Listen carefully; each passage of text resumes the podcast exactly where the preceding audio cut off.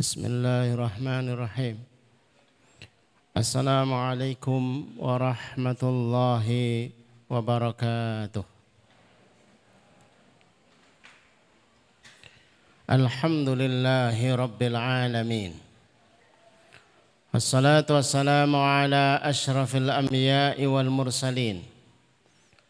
وعلى آله وأصحابه ومن تبعهم بإحسان إلى يوم الدين.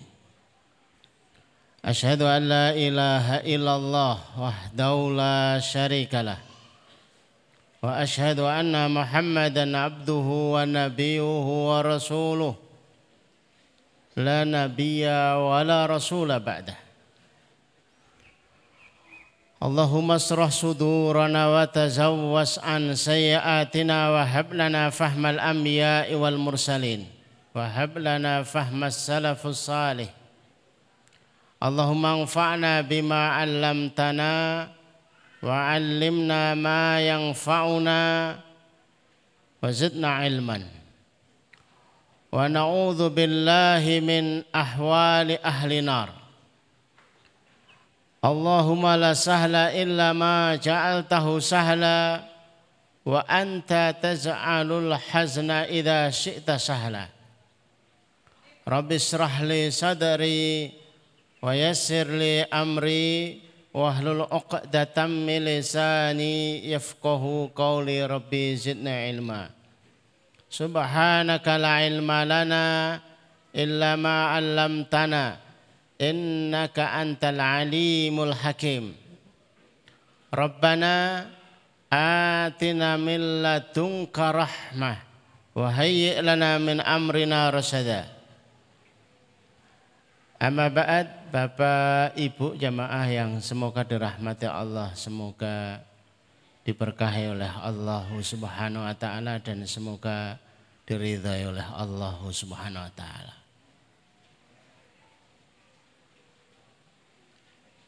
Sekelas onta yang keluar dari batu. Laut yang terbelah bulan yang terbelah.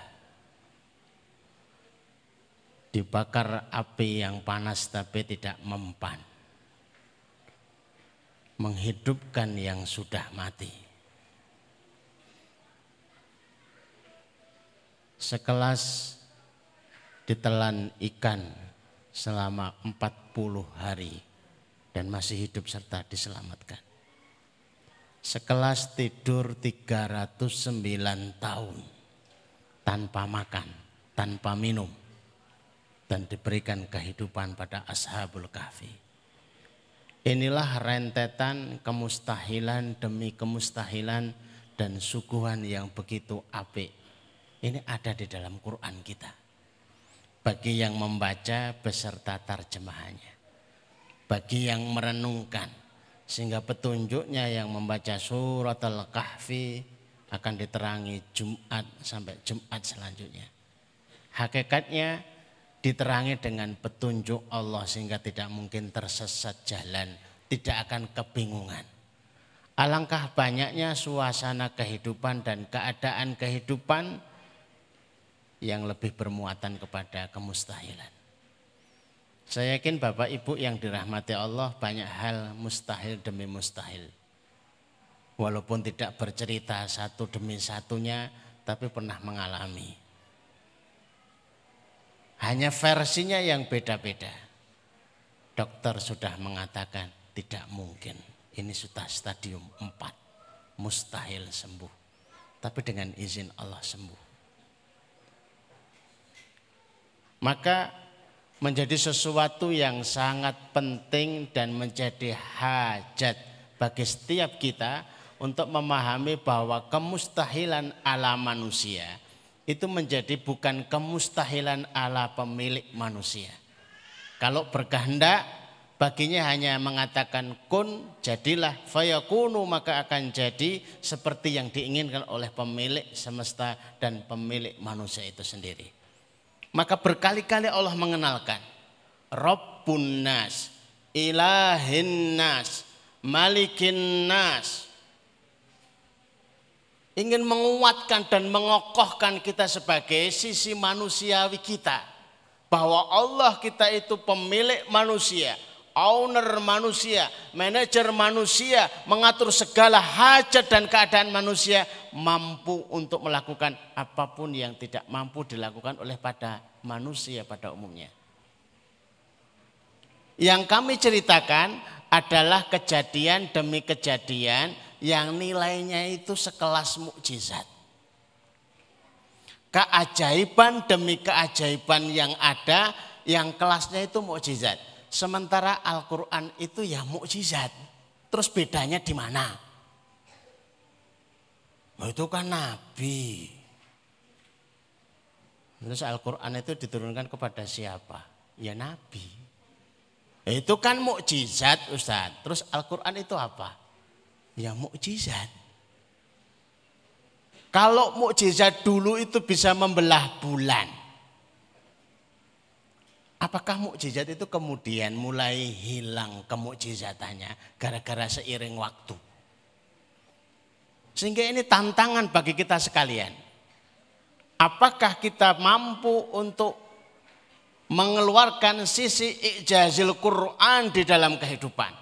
sisi kemukjizatan Al-Quran dalam kehidupan untuk menjawab semua pertanyaan-pertanyaan yang berlabelkan mustahil.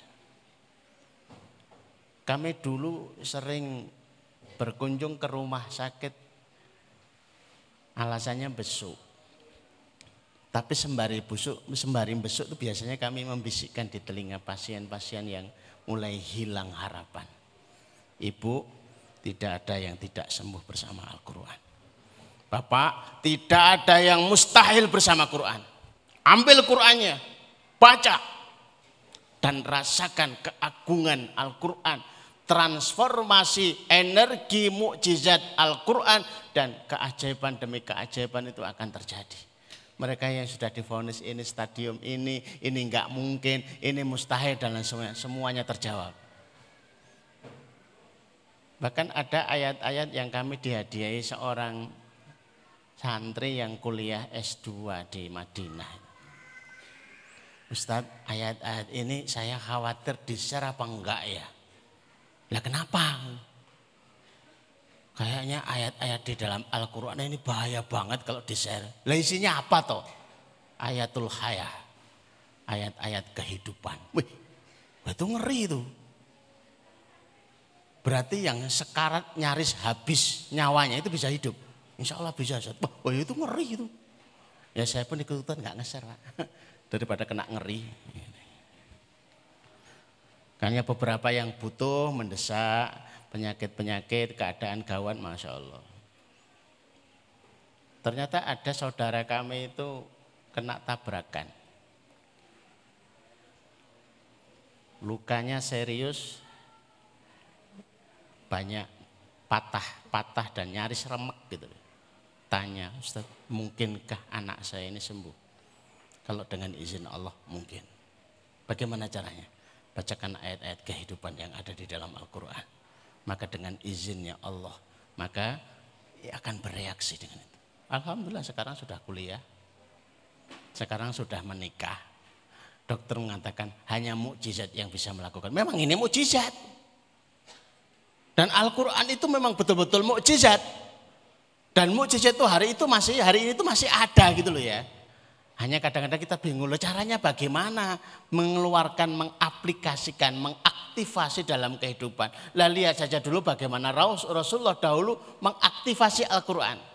Bukankah 10 tahun pertama itu enggak banyak syariat yang diajarkan dan ditempa kepada para sahabat. Ya hari-harinya ya tiga apa itu seperdua, sepertiga, dua pertiga malam itu yang baca Quran. Cuma gitu saja. Cara-cara terindah untuk bisa mengtransformasi, untuk bisa mengambil dan mengaktifasi Al-Quran di dalam kehidupan itu adalah baca, baca, dan baca. Membaca paling indah di malam hari. Membaca paling terasa.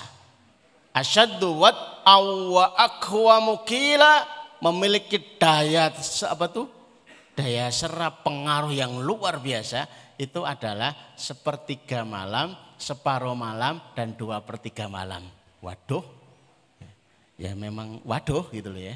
Tapi kalau sudah dipraktekkan, oh ternyata begitu ya. Pantesan aku baca sak lembar, rong lembar kok nggak ada efeknya. Ya iyalah, wong itu nggak normal.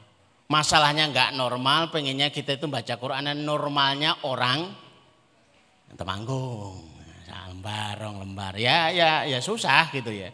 Maka kita harus keluar dari sisi kenormalannya untuk menjawab persoalan-persoalan yang tidak normal.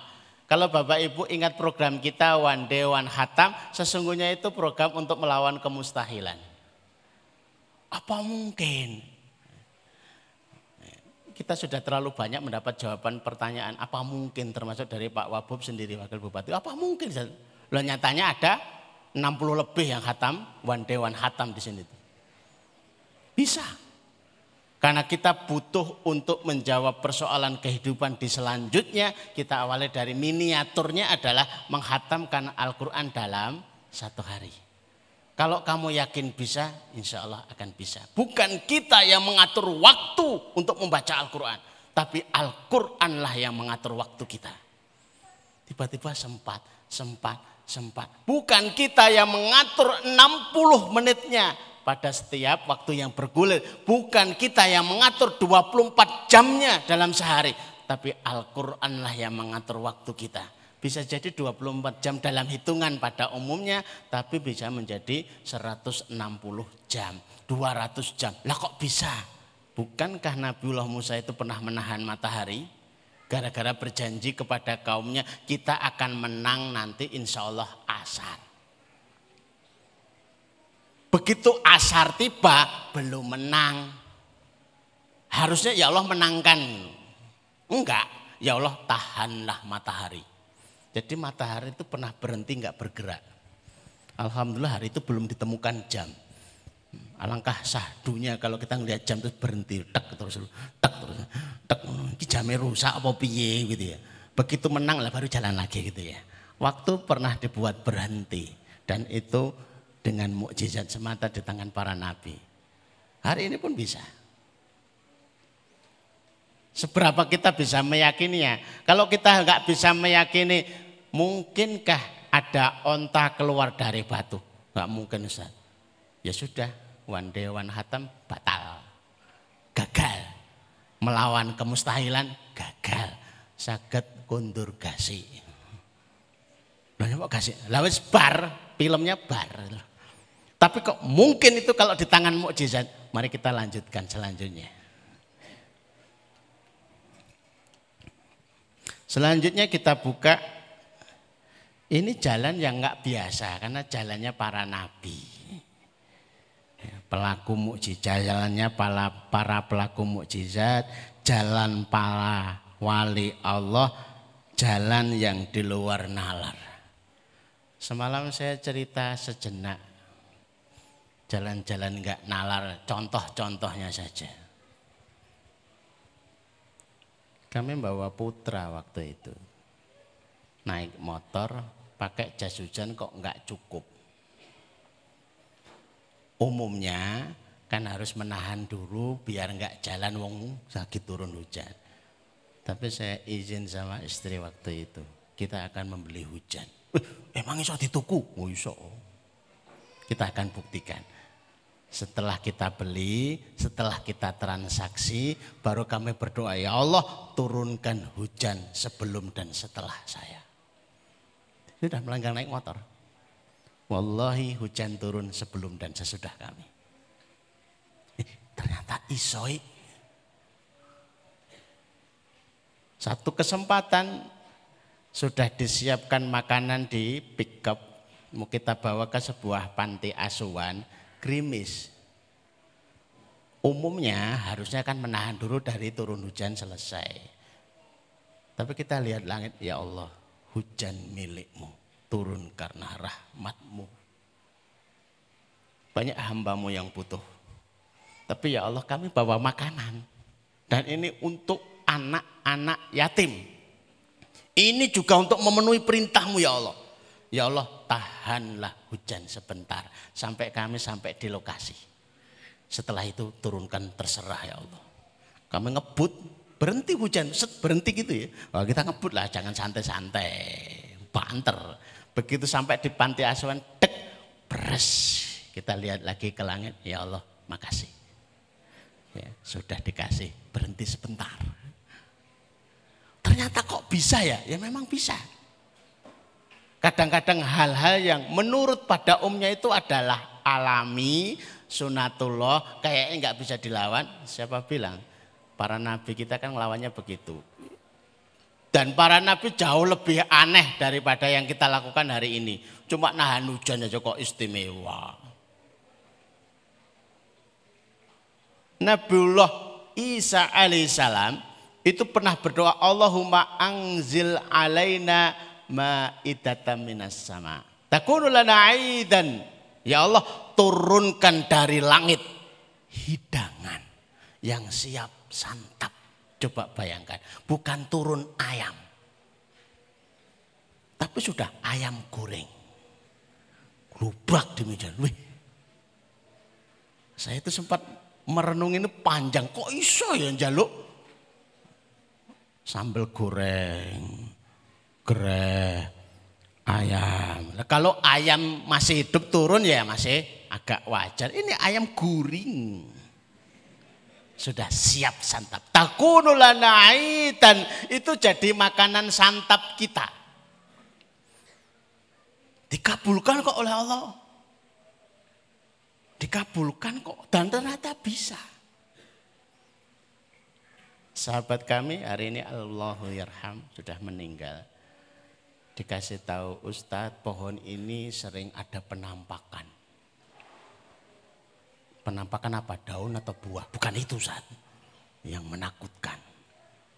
Terus bisa nggak derukyah? Nggak usah derukyah, disambar petir aja kalau repot-repot. Ustaz, bacakan ayat rukyah. Ya Allah turunkan petir untuk membakar mereka dibacakan saya. Disambar petir betul. Belar. Terbelah dua. Pak. Isoi. Ya itu mustahil pada umum. Ternyata bisa. Ternyata bisa. Al-Quran kita ini semuanya serba bisa. Sehingga wanunazzilu minal Quran. Kami turunkan Al-Quran. Ada yang sebagai obat, ada yang sebagai penyembuh. Lah penyembuh itu apa? Ya apa saja. Bisa jadi penyakit hati, bisa jadi penyakit fisik. Obat move on paling cepat itu Quran. Jenengan tanya di apotek nggak ketemu. Bu, wonten obat move on. Ketemu nih budrek nanti mana Diminum itu, lah saya minum budrek kok malah budrek. Lah ya memang itu. Memang obatnya itu Quran gitu ya. Masya Allah. Yang kedua, mukjizat para nabi. Ini tadi yang sudah saya sebutkan. Onta keluar dari batu itu mukjizatnya Nabi Saleh. Membelah lautan itu mukjizatnya Nabi Musa. Ditelan ikan tak apa-apa itu mukjizatnya Nabi Yunus. Dibakar api tak mempan. Itu juga mukjizatnya Nabi Ibrahim alaihissalam. Bayar utang satu bulan ya iso.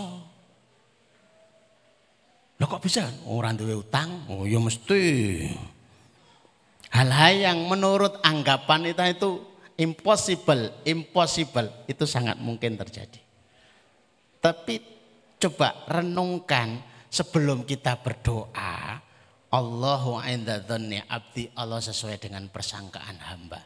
Kita menyangka Allah itu kayaknya nggak mampu kalau sebulan tuh nggak lunas itu. Ngenyek banget itu. Nggak kenal banget sama Allah. Iblis itu digelari makhluk terkutuk. Ada yang lebih buruk daripada iblis? Jangan ngacung, Pak. Bapak, Ibu jangan ngacung. Ada yang lebih buruk dan lebih terkutuk daripada iblis? Tidak ada. Itu sudah pol. Iblis itu masih minta sama Allah. Dan permintaannya di luar nalar yang ada. Rob bi'angzirni ila yaumi yub'atsun. Ya Allah, hidupkan aku sampai hari berbangkit. Jadi kalau ditanya makhluk yang tidak pernah mati sampai hari kiamat itu siapa? Ya iblis itu. Kalau setannya kena ayat kursi bisa terbakar. Kalau ditanya apa rahasianya panjang usia, awet, awet hidup ya. Kalau awet muda nggak ada pak. Awet hidup. Ya doa. Pakai obat macam-macam enggak mempan. Sudah minta saja ya Allah panjangkan usiaku dalam ketaatan. Panjang usia dalam kemaksiatan buat apa gitu loh panjangkan usiaku dalam ketaatan. Bapak Ibu kalau Bapak atau Ibu itu kena kena gerah sakit, itu doakan ya Allah berikan yang terbaik. Jangan yang terbaik, terbaik itu dalam kurung. Ternyata terbaiknya meninggal, ya kan nambah-nambah cepet itu.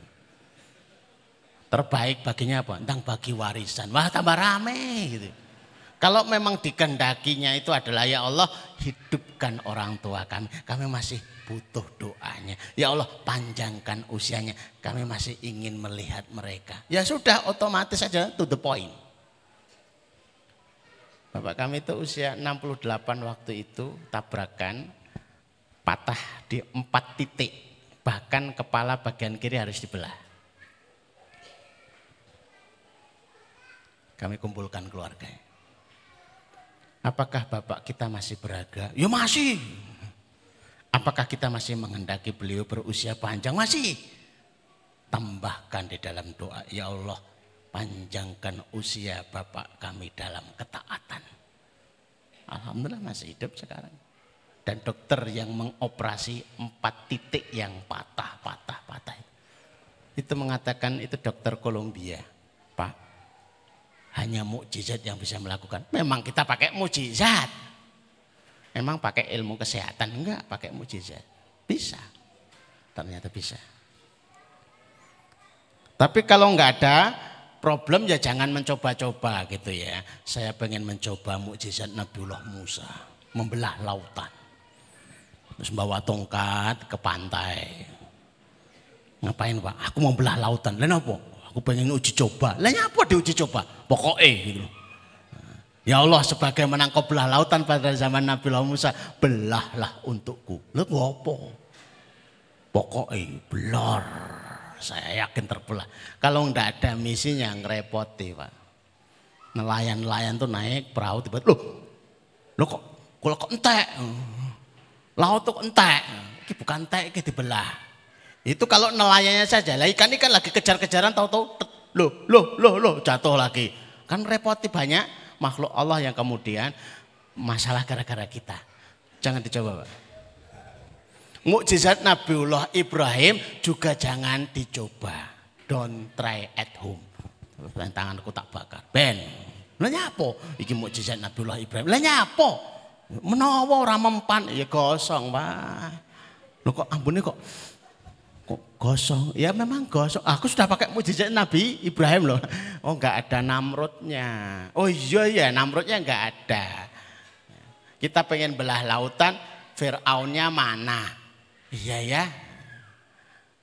Tiba-tiba kita memilih orang untuk jadi Fir'aun belum tentu mau. Nah, keajaiban dengan keajaiban, sesuatu yang ajaib itu ya hanya bisa ditampilkan dengan sebab keajaiban juga. Kita pengen kehidupan kita itu penuh keajaiban, tapi hidupnya nggak ajaib kan ya lucu gitu loh ya. Jangan tidak ada keajaiban usia 55 tahun menghafal Quran kan ajaib gitu loh. Pak napa Pak kok dadak mikir ngono. Wis mikir terasi wae lah mikir. Aku pengen ajaib. Bapak ke ajaib 55 tahun menghafal Quran. Lah apa Yora, ya itulah ajaibnya. Berarti keajaiban untuk melawan keajaiban. Nah, panjenengan bisa hatam tiga hari sekali, hatam seminggu sekali. Kalau pas selain Ramadan, Ramadan one day one hatam. Ini masih tantangan kalau buat santri. Santri pengen mencoba one day to hatam. Tapi kami larang dulu, jangan nak ngerepoti ustadz ustadzahmu. Kalau kamu bisa, lah itu Ustaz mulai ngejare piye, tambah repot itu ya. Terus jamaah itu sudah melonga-melonga, loh kayaknya wan dewan khatam wae urung kono wis wan itu khatam. Jadi memang harus terukur. Tidak ada yang impossible, nothing impossible, tidak ada yang mustahil. Semuanya bisa, Bapak Bu silahkan buktikan hal yang aneh-aneh itu kayaknya kok Masya Allah. Ternyata bisa dibuktikan dan ternyata asik. Alangkah indahnya hidup bersama Quran. Alangkah hebatnya hidup bersama Quran, wabil khusus kita bisa mengaktifasi Al-Quran di dalam kehidupan.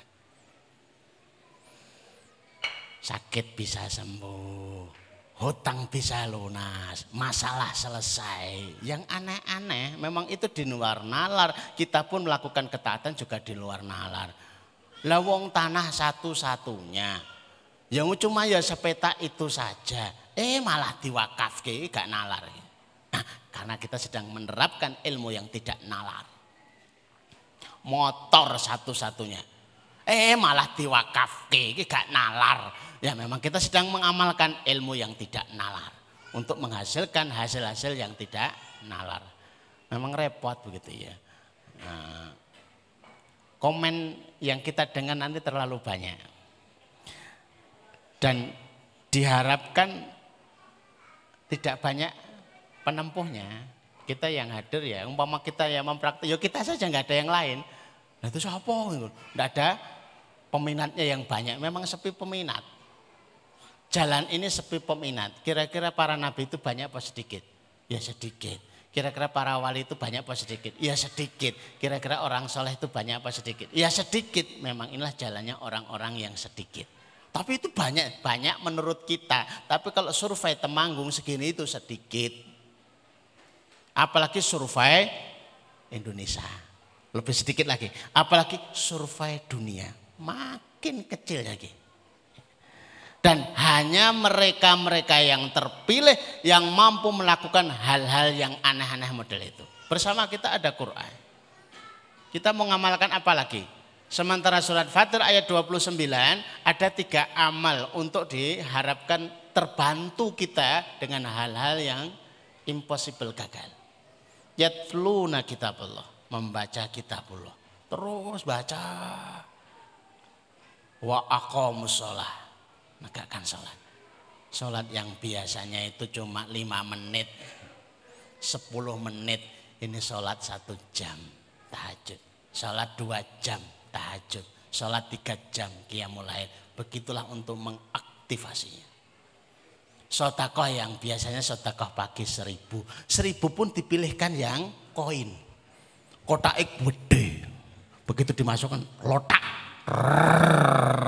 Lu kok orang orang mandek-mandek gitu ya. Ternyata tidak ada temannya. Bingung. Tahu-tahu langsung 100 juta. Wih,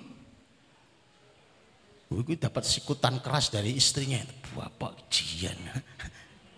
Ini untuk melawan kemustahilan. Ternyata jawabannya yarjun. Mereka itu dalam harapan. Kalau mau melakukan mereka itu dalam harapan. Mereka-mereka yang sudah tidak ada harapan. Mereka-mereka yang disifati putus harapan. Kenapa bu kok sedih nangis? Saya putus harapan. Nah, ini ini. Kok nggak kerja apa-apa, kok nganggur dong, saya hilang harapan. Uh, ini nih dilakukan. Oh, yarjun, mereka itu dalam harapan yang disifati harapannya tijaratan lantabur. Transaksi dengan Allah yang impossible gagal. Impossible gagal. Lawang hujan aja bisa diundang. Bapak Ibu pernah ngundang hujan? Ngirim surat kepada hujan yang kami hormati. Dengan ini kami kekurangan air. Mohon segala hormat segera turun. Wih, kirim surat ke hujan. Caranya kan pakai istisqa toh. Sholat dua rakaat, dibayar pakai sodakoh-sodakohnya, turun hujan lah. Memang begitulah caranya dan memang begitulah syariatnya. Mereka itu yarjun. Bapak ibu yang sedang kesulitan itu jangan menahan diri. Ojo sodako, wong kita itu masih susah. Yo nek dibalas lah nek ora piye.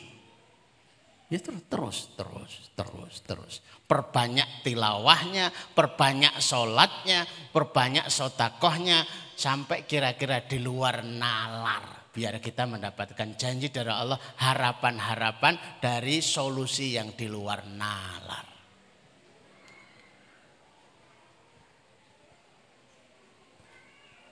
Ini kita sedang menempuhnya amalan-amalan ajaib. Saya tidak tahu apakah menurut Bapak Ibu ajaib apa enggak. Menurut saya sih masih ajaib gitu ya.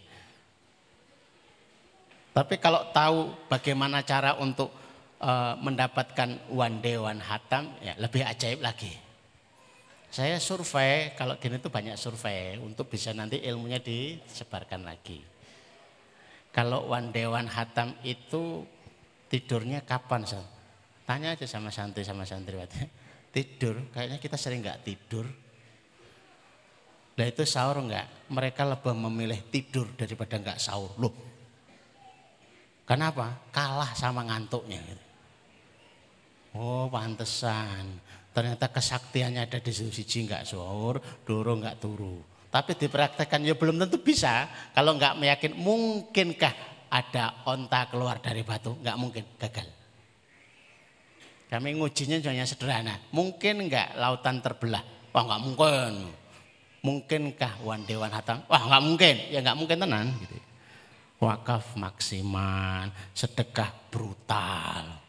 Sedekah brutal itu ya resikonya ya diamuk istri, diamuk suami, diamuk mertua, diamuk orang tua. Kabeh kayak kayak iki iki. Iki ndak stres ki ya eh iki. Ya, uh, setelah pulang dari Zabisa kemudian stres panas kepalanya itu. Lo kok kayak kayak kayak itu brutal ya. Sedekah merem, kalau sedekah merem ya. Ternyata yang disedekahkan adalah kunci. Wah, tak pikir kunci apa? Eh kunci mobil. Waduh, yang penerima, Masya Allah, Alhamdulillah begitu baiknya Bapak kunci mobil diserahkan. Ya saya sudah ke kuncinya saja. Ya kuncinya beserta mobilnya Pak. Gitu. Sudah kadang kami terima, sudah kami umumkan. Itu khilaf kok Ustaz. Khilaf apa? Ini istilah orang Solo ya, sedekah merem. Tidak tahu di Temanggung paham apa enggak sedekah merem. Nanti malah prakteknya kita apa asal sedekah merem aja. Bukan itu maksudnya, tapi ya banyak gitu ya.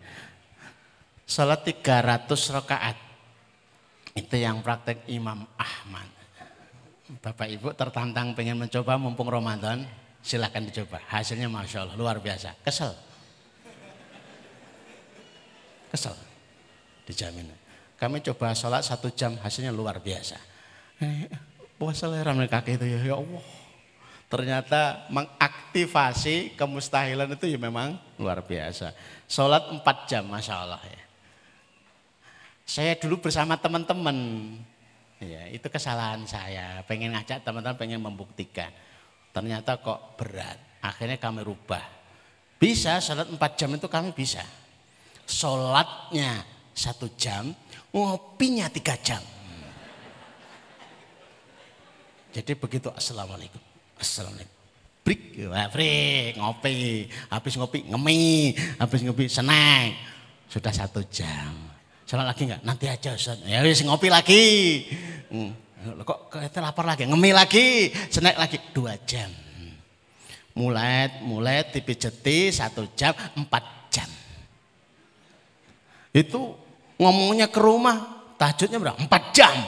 Tenang iya, sholatnya satu jam. Nah ngobrol, snack sama makan minyak tiga jam. Tolong jangan ditiru yang ini.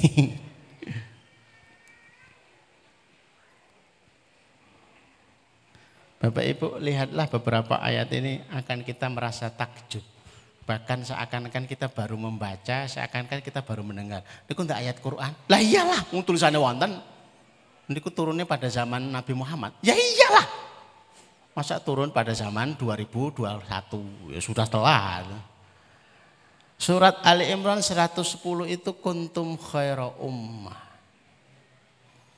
Jadi gen kita, bakat kita, jenis kita, mereka yang beriman itu sebaik-baik umat. Nyatanya enggak itu, jenengan masih pakai topeng. Oh, nyatanya masih biasa-biasa saja. Jenengan itu masih menyamar, maka buka samarannya. agar menjadi yang terbaik. Kapan bisa menjadi khairu ummah ukhrijat linnas ta'muruna bil ma'ruf. Menyuruh kepada kebaikan ternyata kok enggak mudah ya.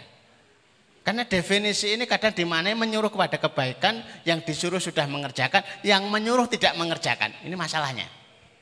Sehingga kami memanai lakukan kebaikan dan ajaklah orang lain untuk melakukan kebaikan seperti yang panjenengan lakukan. Itu baru ada perubahan. One day one hatam jangan nyuruh santrinya saja. Ya ustadznya ya praktek. Ya luar biasa ternyata. Baru setelah bisa, ya santrinya ya diajak melakukan sebagaimana ustadz melakukan. Baru ilmunya disebarkan kepada mereka. Wah itu baru terasa hasilnya.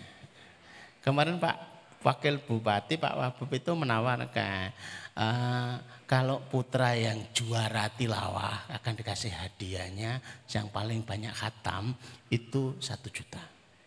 Yang putri satu juta. Ternyata ada tamanya untuk santri. Lah kemarin sore kami ketemu lagi Pak Wabub itu ada ralat apa enggak? Ralat gimana tuh Ustaz? Itu kan santri. Lah Ustadznya kok enggak dapat jatah apa-apa? Nah, emang Ustad bisa menang. Yo nek Ustad menangan. Karena centangnya mesti pertama gitu ya.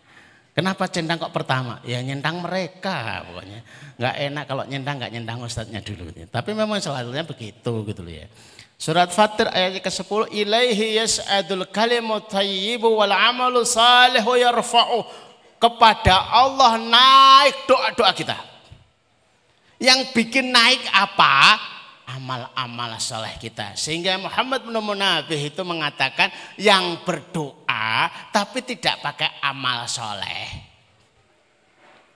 Panjenengan sekedar berdoa, berdoa. Ya boleh, tapi kok amal solehnya enggak ada. Itu seperti orang mancing tidak pakai umpan. Mungkinkah orang mancing tanpa umpan dapat tangkapan? Bapak Ibu, bisa menjawab? Mungkinkah mancing tanpa umpan dapat tangkapan? Mungkin siapa tahu ikan-ikan sedang pengajian. Kemudian uh, pancingnya ditulis pancing the parties. Boleh ikut lah. Kesangkut. Ya, ngumpul rame-rame kemudian keluar lah kesangkut. Ini apa toh ini? Ini pancingan. Akan dia kepancing. Gitu. Fatih 29 tadi sudah kami sampaikan termasuk Al-Baqarah 261. Sebenarnya ini sudah dicontohkan tapi kita nggak mau mencoba. Nabiullah Ibrahim itu kan bapaknya Tauhid. Mbah Tauhid, ora trimo bapak, Mbah Tauhid. Ada bapak Tauhid, ada mbah Tauhid. Nah, Nabiullah Ibrahim Mbah Tauhid. Itu masih diceritakan Robbi. Ya Rob, hari ini yil mauta.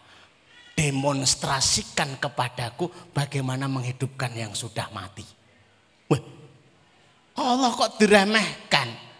Apalah men apa kamu nggak percaya? Ya percaya ya Allah, tapi untuk memantapkan. Baik, ambil empat ekor unggas. Gagak, merak, ayam di tempat titik potong, dimutilasi, cabut bulu-bulunya. Ini apa? Sedang ada pemutihan. Enggak ada isinya. Oh, ada di sini. Oh, lima menit menuju berbuka. Baik Bapak Ibu yang dirahmati Allah, berarti dilihat sendiri saja gitu ya. Sehebat apa pun tausiah kami kalah dengan jam ini gitu ya. Kalau sudah waktunya berbuka, enggak menarik, masih menarik dengan teh anget menarik dengan gorengan. Ya. Banyak yang menghukumi berbuka dengan gorengan itu hukumnya wajib. Berbuka dengan kurma itu sunnah.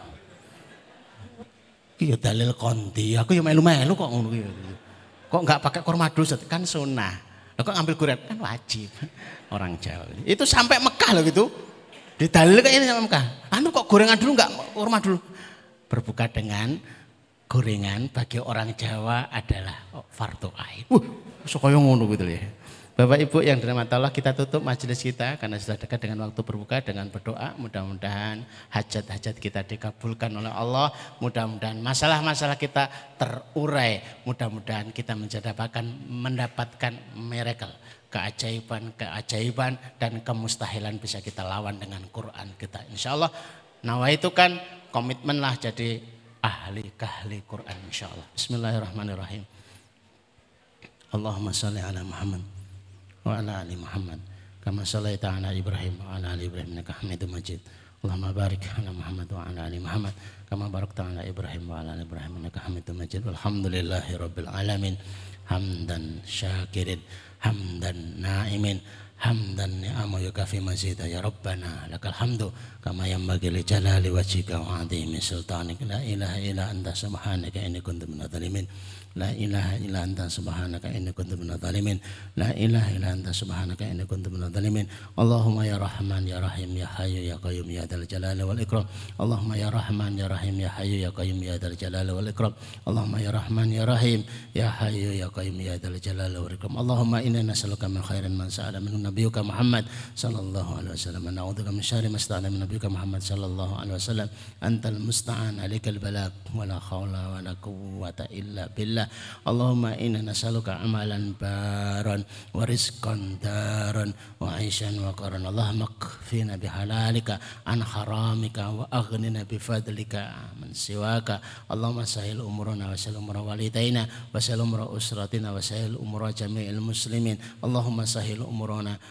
اللهم سهل أمورنا برحمتك يا أرحم الراحمين اللهم ذب همنا اللهم ذب همنا اللهم ذب همنا برحمتك يا أرحم الراحمين ربنا آتنا من لدنك رحمة وهيئ لنا من أمرنا رشدا ربنا هب لنا من أزواجنا وذرياتنا قرة أعين واجعل المتقين إماما ربنا آتنا في الدنيا حسنة وفي الآخرة حسنة وقنا عذاب النار وقنا عذاب النار وقنا عذاب النار اللهم إنك عفو تحب العفو فاعف عنا Allahumma innaka afuwun tuhibbul afa fa'fu anna. Allahumma innaka afuwun tuhibbul afwa fa'fu anna. Birahmatika ya arhamar rahimin. Birahmatika ya arhamar rahimin. Wa sallallahu ala Muhammadin wa ala alihi wa sahbihi wasallam. Subhana rabbika rabbil izzati amma yasifun wa salamun alal mursalin.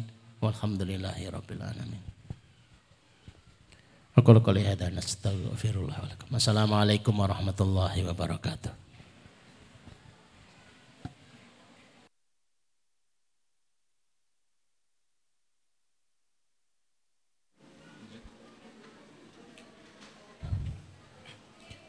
Demikian kajian Jumat yang telah disampaikan oleh Kiai Haji Ustadz Umar Bagiudin. Semoga apa yang disampaikan bisa kita ambil hikmahnya dan dapat kita amal, amalkan di kemudian hari.